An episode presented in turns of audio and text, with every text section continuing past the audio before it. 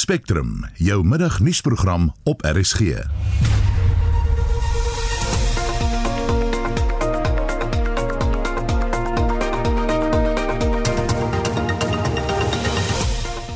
die program die adjunkhoofregter Raymond Zondo gee oorsig oor die stand van die regbank. They have set for themselves the target of 64% finalized civil matters. They had a total of 83,080 civil cases and finalized 69,908 of those cases. Sapra eis dat die weermag medisyne terugstuur wat hy van Kiba gekry het om COVID teen te werk en verkeer na die kus gaan van môre af skerp toeneem. Die span vanmiddag is redakteur Nicoline de Wee, produksieregisseur is Johan Pieterse en ek is Susan Paxton.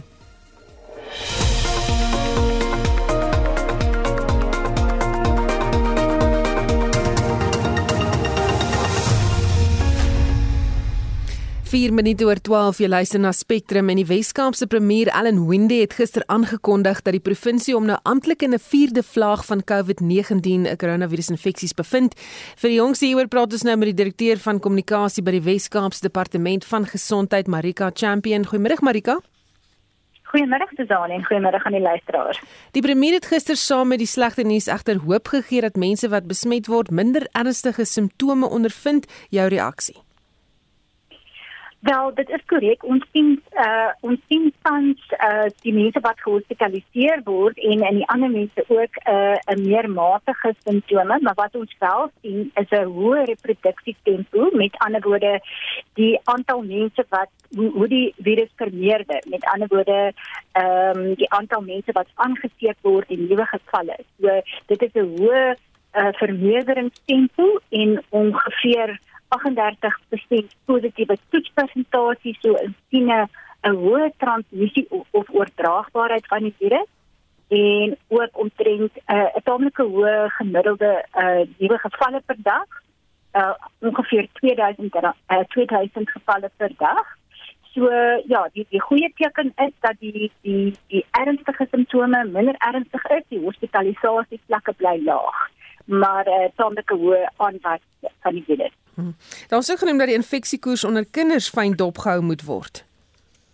Ja, daar is 'n uh, uh, relatief op die oomblik meer kinders in ons opname wat wat getoon as wat voorheen die geval was. Ons monitor dit baie nou om vas te stel jy weet wat is die spesifieke rede daarvoor en of dit wel 'n spesifieke kenmerk is van die nuwe variant. So ontledings word heeltyd gedoen om dit vas te stel en uh, sommige van die hospitale sê dat die die COVID diagnose eintlik opgestel word dat die wanneer die persoon hospitaal toe kom met ander woorde dat dit dalk nie 'n spesifieke variant gedrewe of COVID gedrewe opname is nie maar ons moet dit dophou sodat ons kan sien wat 'n spesifieke geval is. En hoe vergelyk jy vlaaginfeksies met die eerste, tweede en derde vlaag? Uh, dan is daar soos ek gesê het 'n relatiewe vinnige toename van gevalle, maar wel laer hospitalisasie vlakke op die stadium of loop sou se bly. Ehm daar is ook 'n hoë aantal herinfeksies, so mense wat voorheen dalk COVID-19 gehad het, kan dit kan dit moontlik weer kry. So dit is belangrik om veiligheidsmaatreëls na te kom en nie die nuwe variante onderskat selfs al is daar nou so jy weet tekens dat dit dat matiger is uh in hospitalisasie ons ons moet ook steeds weet dat uh die, die inligting dui daar ook dat die inenting wel goed werk in die omikron variant maar mense spesifiek mense wat nie ingeënt is nie dit hulle simptome baie fyn dophou want ons kan dit nie onderskat nie Baie dankie. Dit was die direkteur van kommunikasie by die Wes-Kaapse Departement van Gesondheid, Marika Champion. Die Suid-Afrikaanse Gesondheidsprodukte Reguleerder SAPRA het die Suid-Afrikaanse Nasionale Weermag weer gewaarsku om die medisyne teen COVID-19 wat hy van Kiba afgekry het terug te stuur. SAPRA sê die medisyne is nie goedgekeur vir gebruik nie en as die weermag nie die medisyne terugstuur nie, sal dit gekonfiskeer en vernietig word. Weermag hoofde het tot Vrydag om te bewys dat die 200 miljoen rand se medisyne van Kiba wel teruggestuur is. Ons praat nou met die DEA se skare minister van verdediging Kobus Maree. Goeiemôre Kobus. Goeiemôre Susan, goeiemôre aan die luisteraars. Nou vandat dit rigbaar geraak het dat die weermag die medisyne aangekoop het, was daar moeilikheid. Hoekom sloot die proses om die kwessie op te los so lank? Dit is Susan, ek dink ehm um, die hele die hele ding sloer want ek dink die weermag en mense in in in die bestuurs hoë bestuursposisies insluitend die minister lyk lyk vir my onwillig om op te tree en hierdie goed terug te stuur vir hulle ideologiese vennote Cuba. Ehm um, ons het ons weet die afgelope tyd, die afgelope paar jaar en veral die afgelope jaar was daar 'n uh, uh, amper seker fiksasie met Cuba. Jy weet asof Cuba die antwoord is op al ons probleme en veral die weermag en uh, dit lyk vir ons of hulle onwillig is om om dit terug te stuur. Ehm uh, ons het ek het persoonlik al vroeg in die jaar vir die minister gesê dat ons moet so gou as moontlik al hy uh, uh, die die die medisyne wat gekom het ehm um, wat on, onwettig inge, ingebring is en wat eintlik ingesmokkel is jy weet dis dis dieselfde as as wat jy as wat jy dwelmmiddels insmokkel.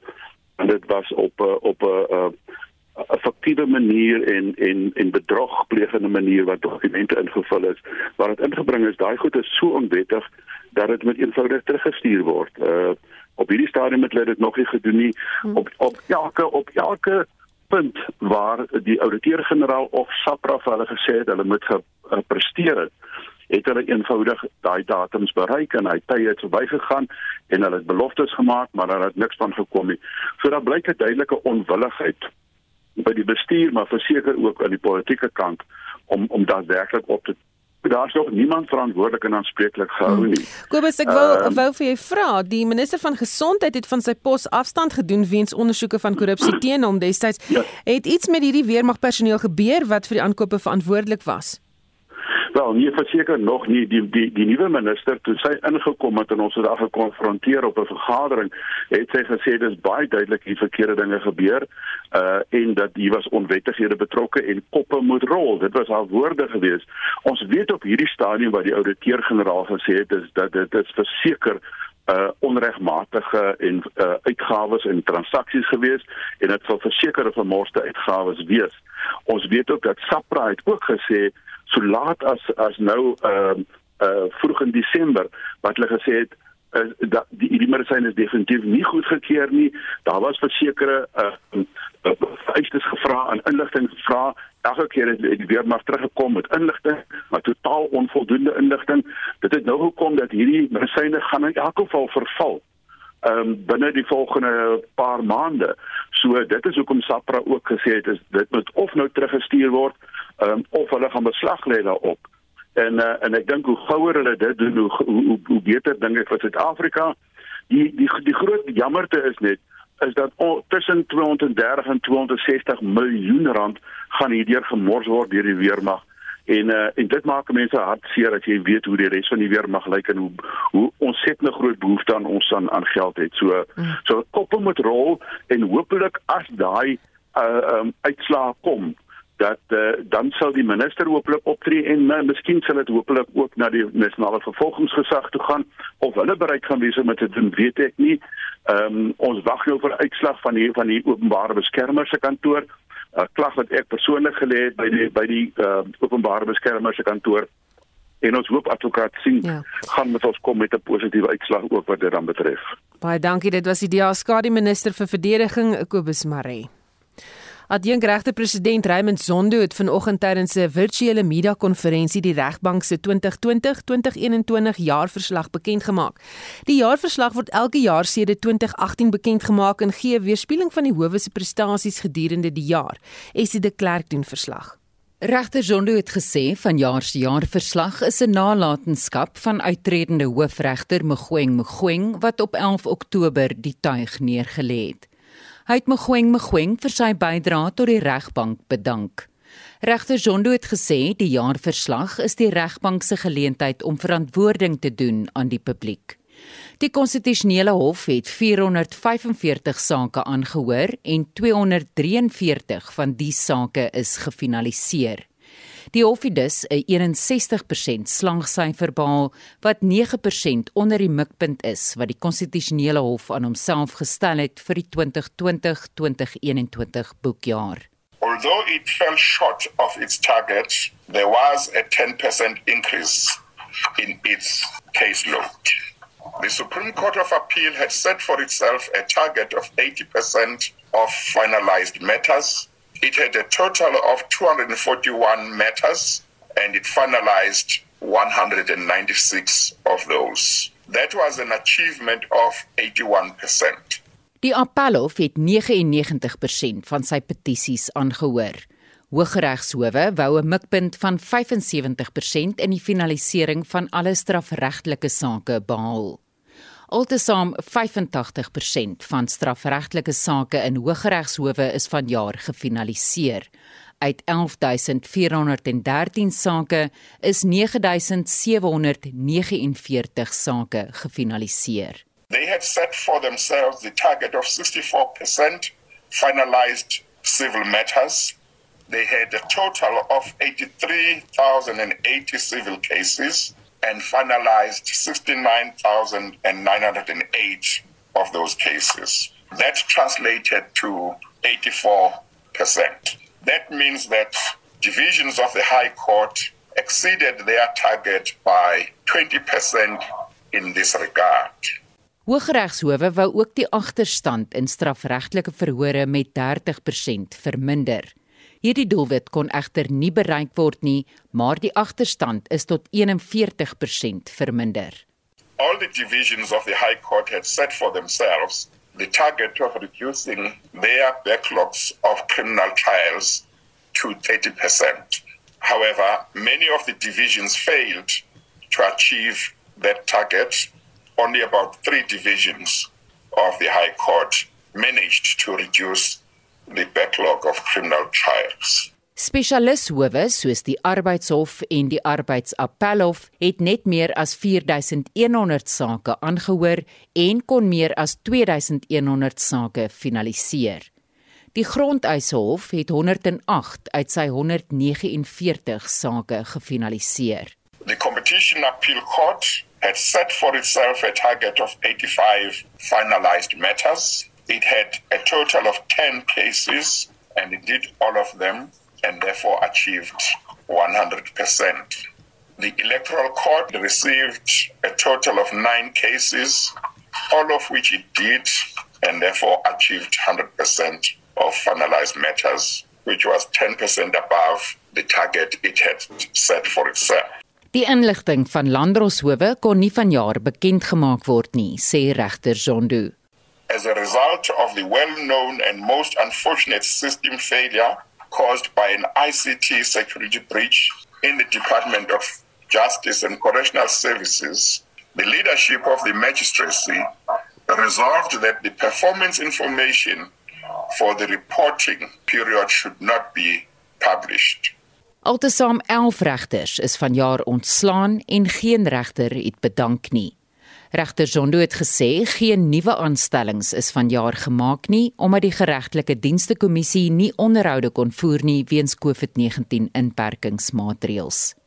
Ek is Estie de Klerk vir SAK nuus. Verkeersvolume sal na verwagting vanaf môre begin toeneem wanneer mense na hulle vakansiebestemmings begin reis. Die N3 tolkonsessie het reeds gewaarsku dat padgebruikers op hulle hoede moet wees wanneer hulle die lang pad aandurf en Jamari verhoef het die storie. Arrive Alive se Johan Jonk sê die langdurige inperkings beteken mense het al van vroeg Desember af begin reis. Hy sê hoë verkeersvolumes kan op die meeste van die land se hoofroetes verwag word baie mense as gevolg van die COVID en die inperkings wil ook maar gaan na die binneland, na die wildtuin en ons natuurreservate. So verwag maar op al die hoofpaaie, jy weet die, die N1, die N3, die N12, die N4 op al die paaie verwag ons redelike verkeer. Jonk sê beplanning vir die langpad is noodsaaklik. Dit sluit in dat 'n voertuie padwaardig is En ook dit ons beplan, jy weet as ons ver paaie ry, dat ons maar stilhou. Ons voertuie en ons passasiers en ons bestuurders het dit nodig. So wil vir mense se eerstens kry 'n voertuig behoorlik padwaardig. Daar is ook die kwessie van geduld. Jonk verduidelik dat dit belangrik is om ander motoriste in ag te neem, veral wanneer druk verkeer ondervind word. Dit is uiters belangrik dat ons besef dat ons nie die paaie alleen ry nie. Ons moet ongelukkig maar dink vir die ander bestuurders ook. Die grootste probleem wat ons tans het, ons raak 'n bietjie haastig op die paaie. Ons bestuur nie verdedigend genoeg nie. Ons gebruik ons fone heeltemal te veel en ons is glad nie verdedigend genoeg op die paaie nie. Ons moet ander bestuurders in ag neem wanneer die paaie nou redelik besig is. Wees veral versigtig wanneer ons verbygaan maak seker jy weet dat dit veilig is en dat ons nie kansse neem nie. Bestuur asof elke ou 'n moontlike onverantwoordelike bestuurder is. Jonk herinner motoriste aan die belangrikheid van 'n veiligheidsgordel. 'n Paramedikus het een keer vir my gesê dit is baie selde dat hulle 'n dooie persoon of los te maak van 'n veiligheidsgordel na 'n ongeluk. Veral ons jong passasiers op Jy weet in in die motorstoeltjies is uiters belangrik en onthou ook dat die agtersitplek is nie veiliger nie. Indien daar ongeluk kom word 'n persoon wat nie vasgegordel is nie, word 'n eenvoudige projektiel wat almal in die voertuig in gevaar stel. So dra asseblief julle veiligheidsgordels ook. Dit was Arrive Alive se Johan Jonk. Ek is John Marie Verhoef vir SAK nuus. Die minister van Finansies, Enoch Godongwana, het voorgestel dat die formule waarvolgens die brandstofprys tans bereken word, hersien moet word. Hy het die aankondiging gemaak tydens 'n parlementêre vraag en antwoord sessie en het toegesê dat die regering die voorstel oorweeg. Die Automobielassosiasie vra reeds 'n geruime tyd vir die hersiening en ons praat nou met die woordvoerder van die AA, Luiten Beerd. Goeiemôre Luiten. Goeiemôre Susan, sit om by jou te wees. Sê vir my, wat is julle reaksie op die aankondiging deur die minister?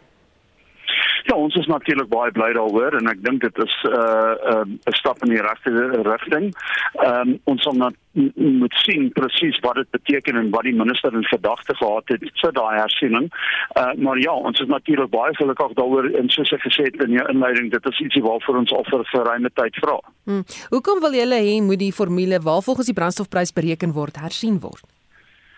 Weet jy, ek dink daar ontstaan baie vrae uh onder die publiek oor of die, huidige formule korrek is en of al die uh, komponente wat die uh, wat 'n liter van petrol saamstel korrek is en of hulle nog nodig is en van toepassing is op Suid-Afrika.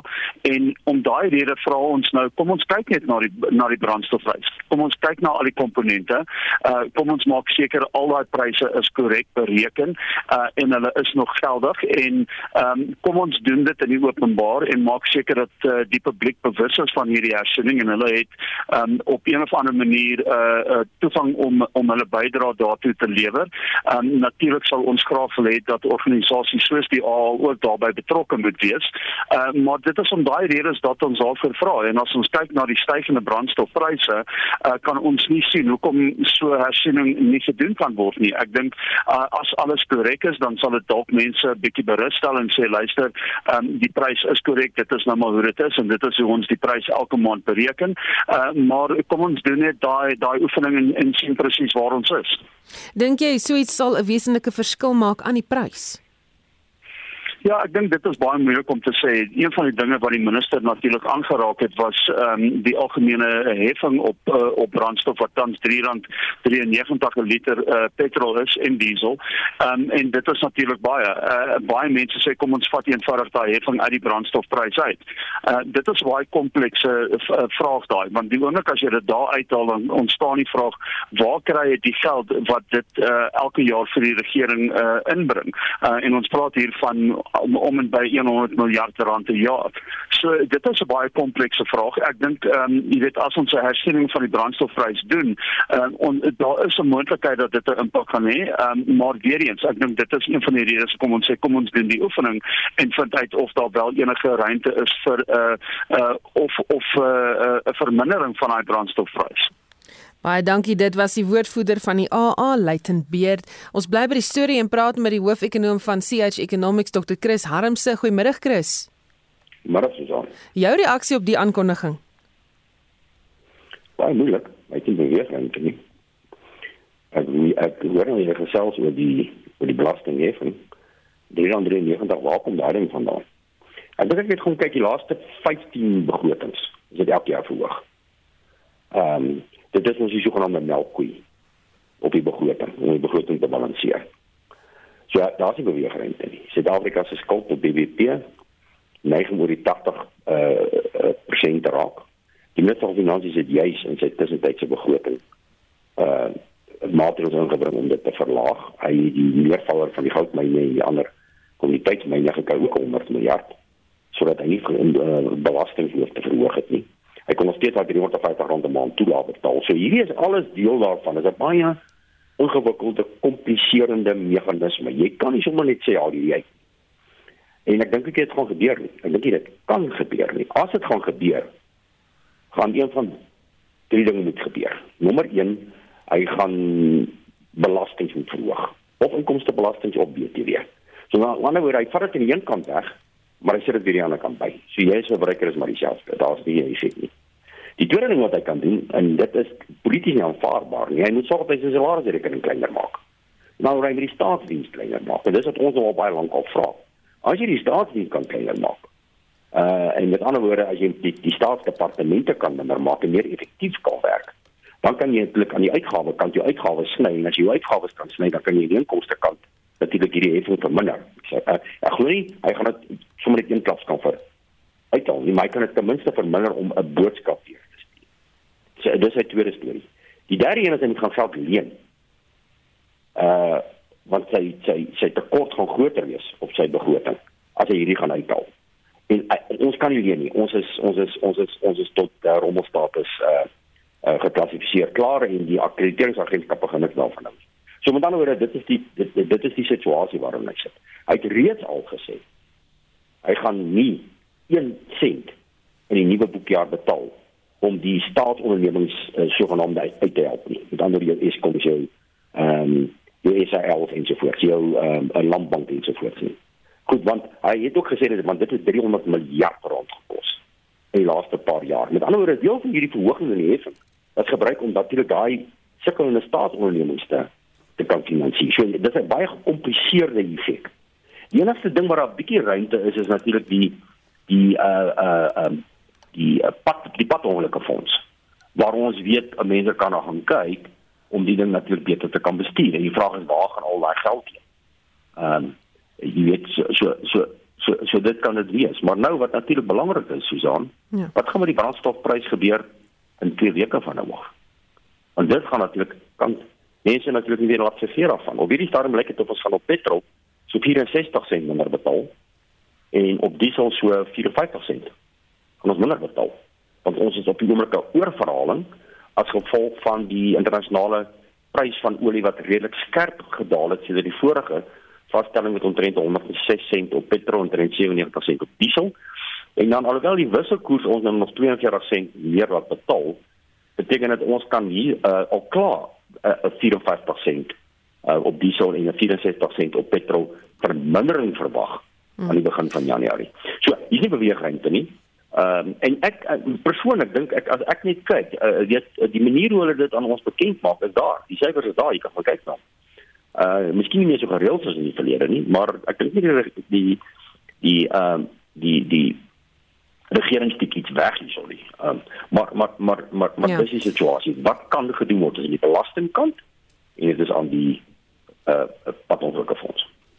Baie dankie. Jy was nou amper soos Kersvader met daardie nuus oor die uh, brandstofpryse wat gaan daal dalk. Dit was Chris uh, Dr. Chris Harm se hoofekonoom van CH Economics.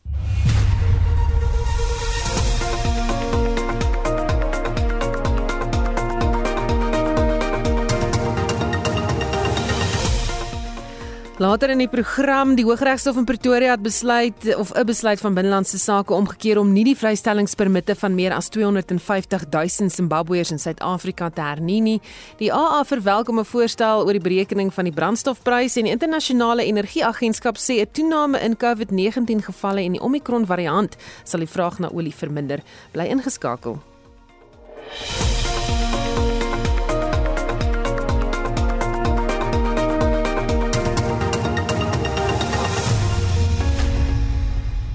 Aantal lande waaronder Amerika het besluit om 'n diplomatieke boikot teen volgende jaar se Beijing Winterspele in te stel.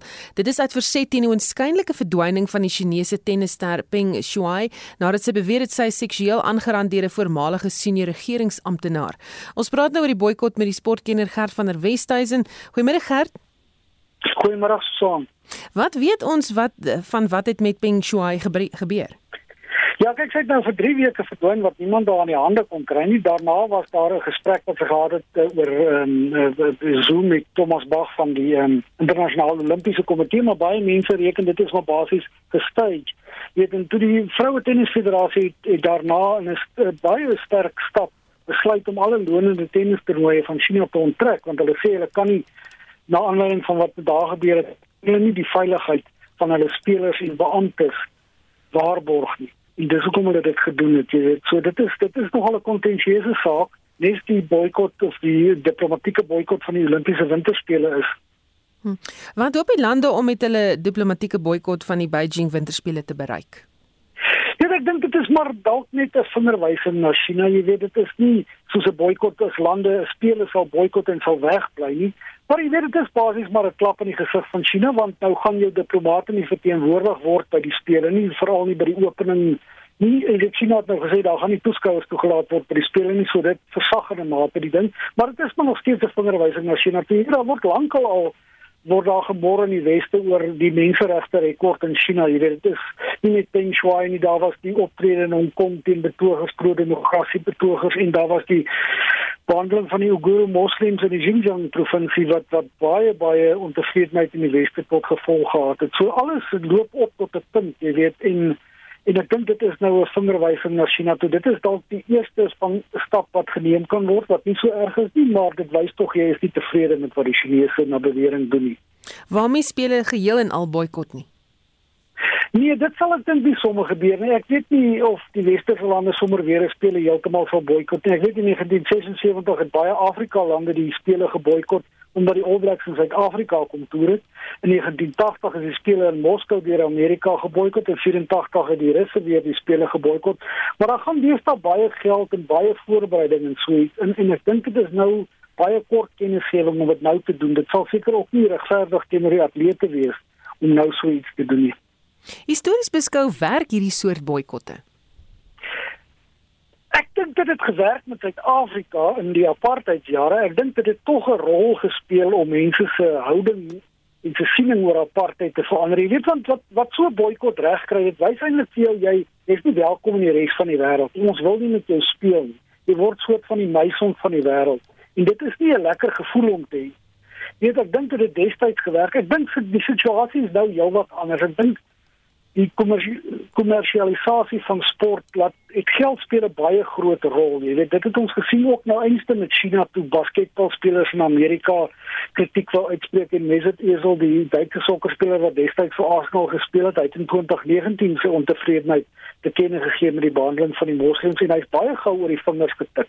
Want daar is 'n uh, potensieel miljoene ondersteuners in China en baie sokkerklubs onderneem lone met toere na China. Toe. Jy weet, so ek dink dis dis dit is eintlik baie ook net eintlik dat die vroue tennisfederasie baie baie daadwerklike stap geneem het. Hm.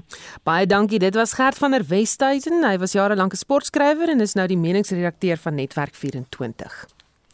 23 seuns wat inisiasieskole in die Oos-Kaap bygewoon het, het in Desember gesterf sover.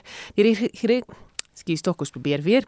Die regering sê die oorsaak van die sterftes is nog onbekend. Die regering het ook ouers gevra om die skole te gaan besoek en seker te maak hulle kinders is veilig en gesond. Die Oos-Kaapse voorsitter van die Kongres van Tradisionele Leiers van Suid-Afrika, Mwelu Nonkunyana sê, dit gebeur omdat Kontrolesa nie meer beheer het oor die proses nie. It's really a disaster and a half. I don't know where to start. You know, from 2016 there was an act in the Eastern Cape that uh, was passed, which is still law. That was doing what we want the government to do to bring back powers and functions to the institution of traditional leaders. Because all customs uh, must be administered by the institution. However, notwithstanding the fact that the House of Traditional Leaders, as far back as 1996, to a commission which was headed by Kosi Olumisa and our recommendation to government, and government did not actually accept our proposals.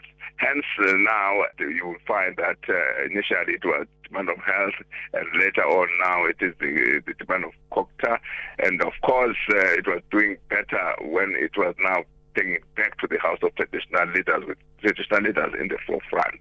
Now there's also an act in Parliament uh, that has been passed by Parliament recently, and uh, also COVID.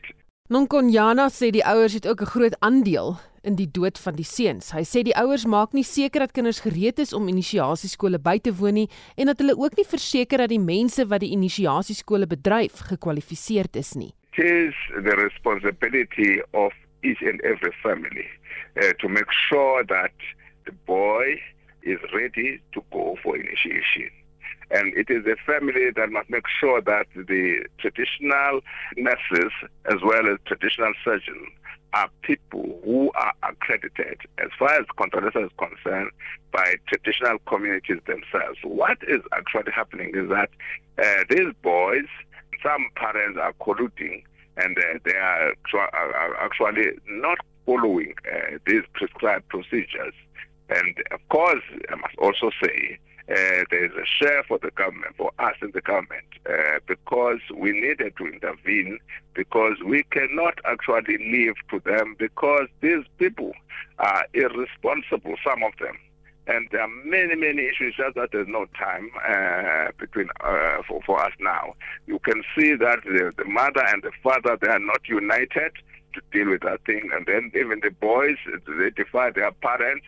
And um, but when we find these boys, the parents actually withdrawing these cases, and again, of course, the issue of COVID is affecting us because there's no budget that has been provided for us, and now even at a provincial level. En dit was die Oos-Kaapse voorsitter van die Kongres van Tradisionele Leiers van Suid-Afrika, Mwelio Nonkonyana. Die minister van vervoer, Fikile Mbalula, beplan om nuwe lewe in die land se spoornetwerk te blaas om sodoende die druk op die land se paaie te verminder. Mbalula sê sy departement beplan om dit vroeg volgende jaar in die parlement ter tafel te lê. Dit volg na 'n verslag waarin daar bevind is dat die land se spoorweë erg vervalle is. Jamari Verhoef doen verslag. Volgens Mbalula is die hoë aantal padsterftes kommerwekkend. Hy sê 'n spoornetwerk tussen Botshabelo en Bloemfontein is noodsaaklik. That is why we're developing a rail policy, a strategy for the country, and uh, it should have gone before cabinet, but it will be going to cabinet in the new year. And uh, rail infrastructure is very important from a point of view of business, but also from a point of view of commuter. And uh, we have to work with uh, Transnet uh, to ensure that we address all the challenges that we are confronted with. Die stigter van South Africans Against Drunk Driving, Karu Smit, sê egter die spoedgrens in sekere dele van die land en in woonbuurte naby skole moet verlaag word. Smit voeg by dat ongelukke en padsterftes sal afneem indien daar strenger teenoor dronk bestuurders opgetree word. Enforcement and more testing for drunk driving. So this plan is written out very well and we are very thrilled that we'll work with the Department of Transport and Road Traffic because these are evidence-based um, approaches that really work. It's no use asking people to behave. You have to enforce, enforce and enforce. Die president van die Suid-Afrikaanse Nasionale Taxi Vereniging, Philip Taibosh, sê daar moet ook eenvormigheid wees oor sake rakende die land se taxi-bedryf. As the taxi industry, we've been calling for one united police services or one united traffic police services in this country. Where you find your traffic officer in KwaZulu Natal or even in Northwest or in the Northern Cape possesses of the same information and qualification. We have been saying that, uh, you know, you cannot have a situation where you are asked for certain documents in one province and those, the very same documents are changing in another province. Volgens Mbalula word 41% van padongelukke deur voetgangers veroorsaak. Intussen sal daar na verwagting sigbare verkeerspolisieering deur die loop van die feesseisoen wees. Die verslag deur Ismail Modiba in Bloemfontein. Ek is Joan Marie Verhoef vir SAK nuus. Die Suid-Afrikaansgebore tegnologie-innoveerder Elon Musk is deur die internasionale nuustydskrif Time as 'n persoon van die jaar aangewys. Musk is die stigter van Tesla wat elektriese motors vervaardig en SpaceX wat satelliete lanseer. Ons praat nou oor hom met die toekoms- en innovasiekundige Dr Pieter Geldenhuys. Goeiemôre Pieter. Goeiemôre. Waar dink jy eers wanneer jy Elon Musk se naam hoor? Ek ek dink ons moet hom in dieselfde klas sien as Henry Ford of Edison van 100 jaar terug um, wat radikale veranderinge aangebring het uh, op verskeie industrieë en ek dink die belangrike ding om te besef is dat in al die industrieë waar hy betrokke is, verander hy die die die die reëls van die spel in so 'n mate dat al die ander spelers dramaties moet aanpas om net kompeterend te bly. So ek dink uh, oor 100 jaar gaan ons hom in dieselfde lig sien as Edison of 'n Henry Ford van 100 jaar terug. Hoe belangrik is dit dat regerings die ruimte of platforms vir innoveerders soos Musk moet skep om hulle idees tot 'n wesenlikheid te bring? Ek, ek dink dit is seker een van die grootste vraagstukke. Jy weet, wat moet regerings doen en, en, en as jy mens na die na die meer vrye markideologie kyk, dan sê hulle 'n regering moet uh volgens die die konsepte van 'n Schumpeter 'n baie goeie skeieregter wees, maar verder uit die ekonomie uit bly. Um jy weet die oomblik as wat politici betrokke raak om te bepaal waar sekere geld moet ingaan, dan is daar nie effektiewe allocasie van fondse nie. En as mense nou na SpaceX en na uh Elon Musk veral gaan kyk, het hy nie was daar nie geweldige uh, veranderinge in regeringsbedryf, jy weet, beleid nie. Dis dis slegs in die laaste 10, 15 jaar waar daar geweldige groot veranderinge ingekom het raak in die groen beweging. Die probleem is dat uh, ek dink Elon Musk het ook sê dis baie beter om die entrepreneurs te los om hulle eie ding te doen eerder as wat politici besluit waar om die fondse te belê. Hmm. Wat beteken dit vir Suid-Afrika dat iemand wat hier gebore is deur 'n tydskrif soos Time vereer word? Ek dink dit is 'n geweldige groot uh, voorreg vir enige persoon. Um, ek dink dit geweld dit, dit, dit dui baie op 'n individu wat na 'n ander land toe gegaan het om daar heeltemal 'n nuwe infrastruktuur te skep en en die in die mark te verander. Ek dink dit is 'n geweldige eer wat hom toeval. En ek dink as 'n mens na al die verskillende maatskappye gaan kyk wat hy op die been gebring het vanaf uh ruimte ruimte uh, vaart na uh, jy weet waar die vierpelle hulle self kan land na herdefinering van die mark uh rakende energie en voertuie en ook natuurlik breinwetenskappe dink ek dis 'n ongelooflike voorreg en uh, ek dink dit is 'n voorreg om so iemand te hê wat aan Suid-Afrika verbonde was al dis dit 'n paar dekades terug. Baie dankie. Dit was Dr Pieter Geldenhuys, direkteur van Instituut vir Tegnologiese Strategie en Innovasie aan die Noordwes Universiteit. 23 renosters is die afgelope naweek gestroop. Die organisasie Wildbedryf SA sê daar is 'n duidelike toename in stropery op wildsplase omdat die wildtuinse renosterpopulasie bykans heeltemal uitgestroop is. Richard York, die bedryfshoof van Wildbedryf SA sê daar is ook gewoonlik 'n toename in stropery tydens die vakansieseisoen. In terms of the rhinos being poached, it's quite a sad situation that we find ourselves in. There's been a massive poaching assault on rhino for the last couple of years. And what's ended up happening, I don't know if you saw the statistics in the beginning of the year that Kruger National Park in the last 10 years has lost 67% of their rhino. Jok sê die statistiek wat sandparke vrystel wat betref die hoeveelheid renosters wat in die nasionale parke gestroop is, is bedrieglik. In terms of statistic wise, that's only 67% of the capital. If you take it in fact that rhino should grow by 6 to almost 7% per year, they've lost closer to 80%. And if you work on the figures of what the private sector's production is, they've lost closer to 93% in the same time period. Because our rhino on our little property, we've taken from 5 to 25 in that same time period. So we've doubled the population twice. Jok sê selfs die reën speel 'n rol in die toename in voorvalle van renosterstropery.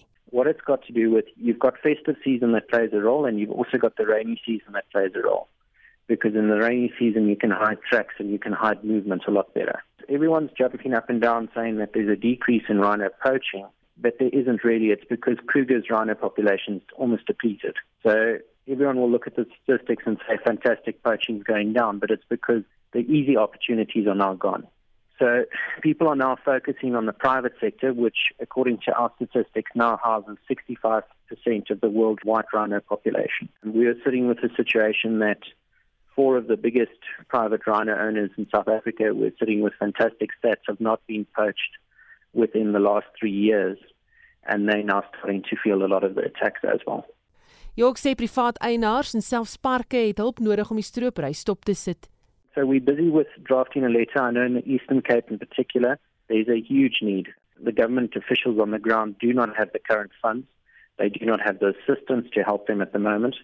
So we're definitely warning and sending out that message to our members to say be vigilant. And that's, I presume, where you found our post already, and where we said, chaps, please be on the lookout. Don't let your guard down during this festive season.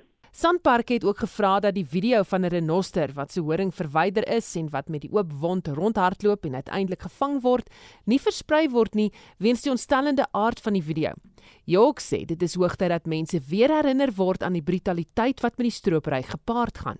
I think people need to be aware of the realities.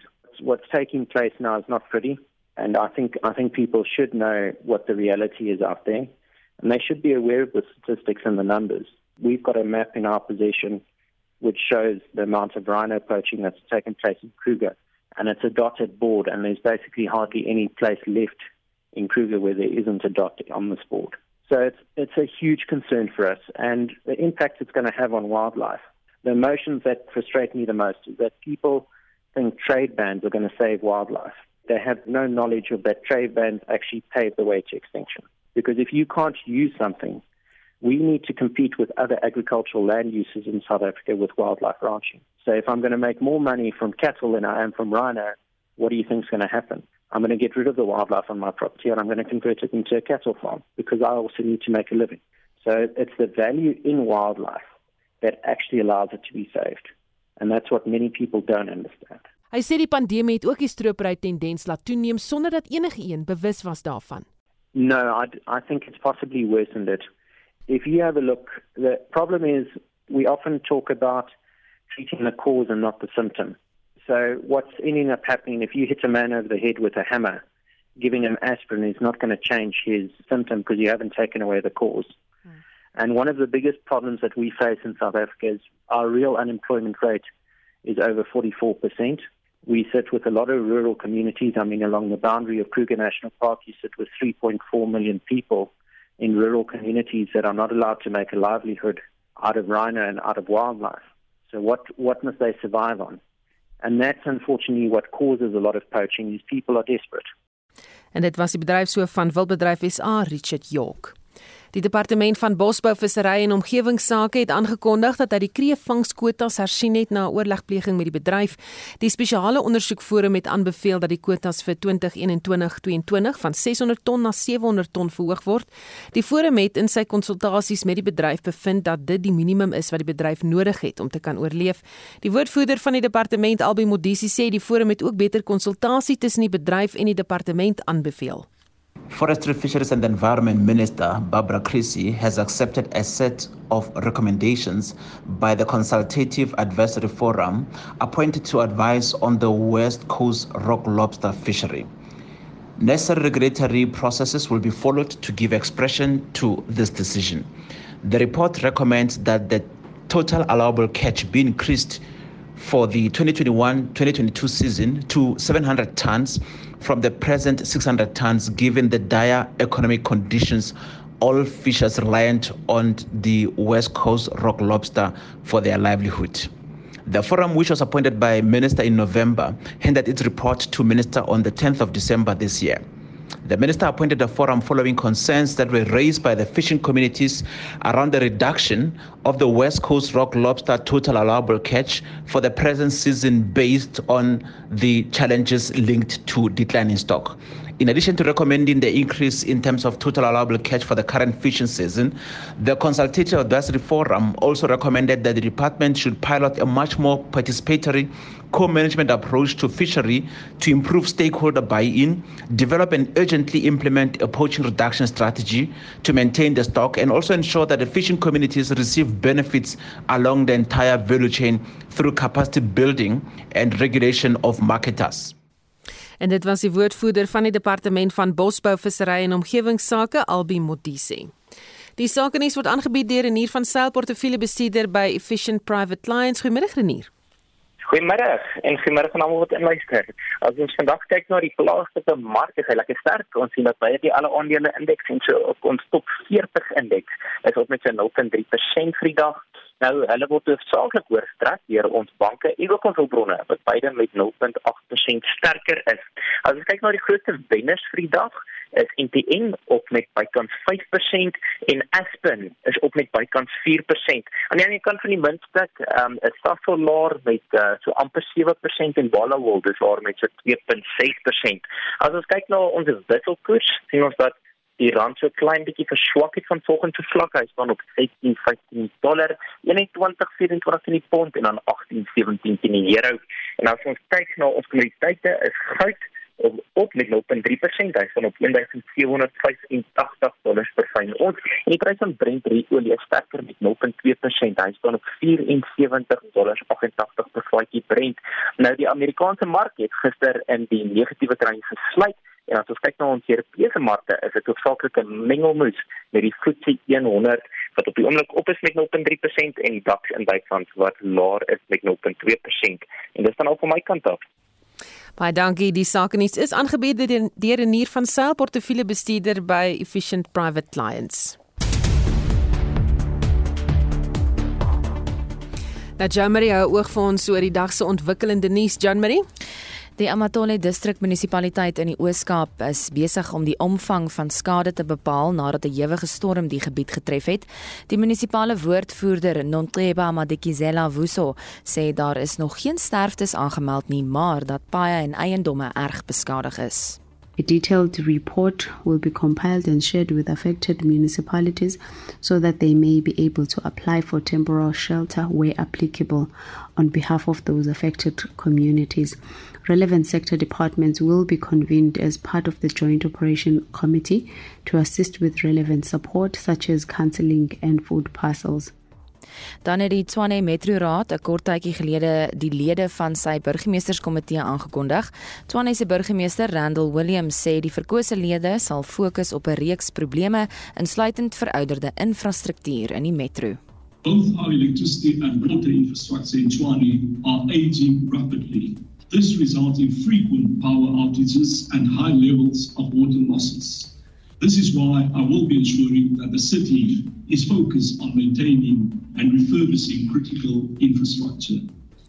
In ander nuus, die dringende aansoek deur organisasies oor 'n besluit van die Departement van Binnelandse Sake om nie die vrystellingspermitte van Zimbabweërs te hernie wat in Suid-Afrika woon en werk nie, is in die Hooggeregshof in Pretoria van die rol geskraap.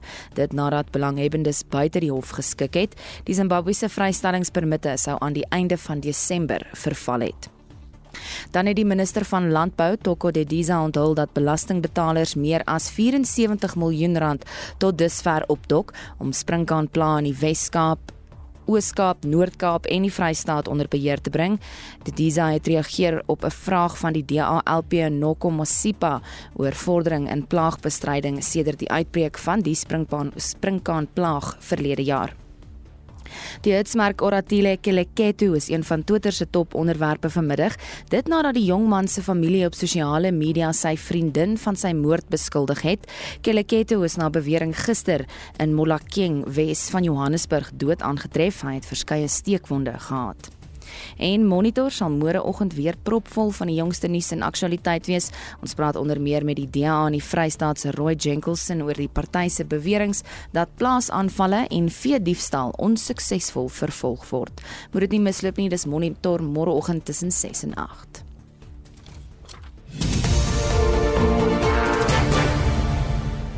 Jan Marie wat vir ons daardie nuus opgesom het. Onthou 360 net hierna Barry Bredenkamp gaan praat oor energiedoeltreffendheid van geboue en die verpligte energieprestasies sertifikate vir geboue en dan die musiekterapeut Petra Jerling is die enigste ME terapeut in die land en sy praat oor die gebruik van die kombinasie van musiek en sketsterapie en dan word daaroor gepraat met disleksie of disleksie met wiskunde.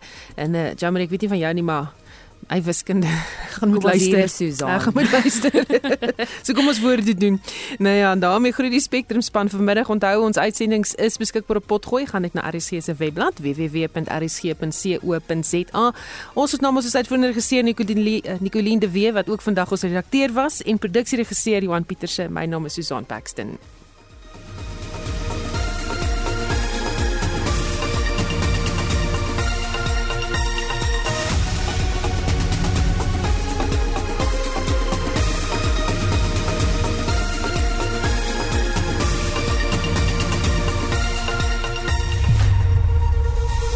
SAK nuus.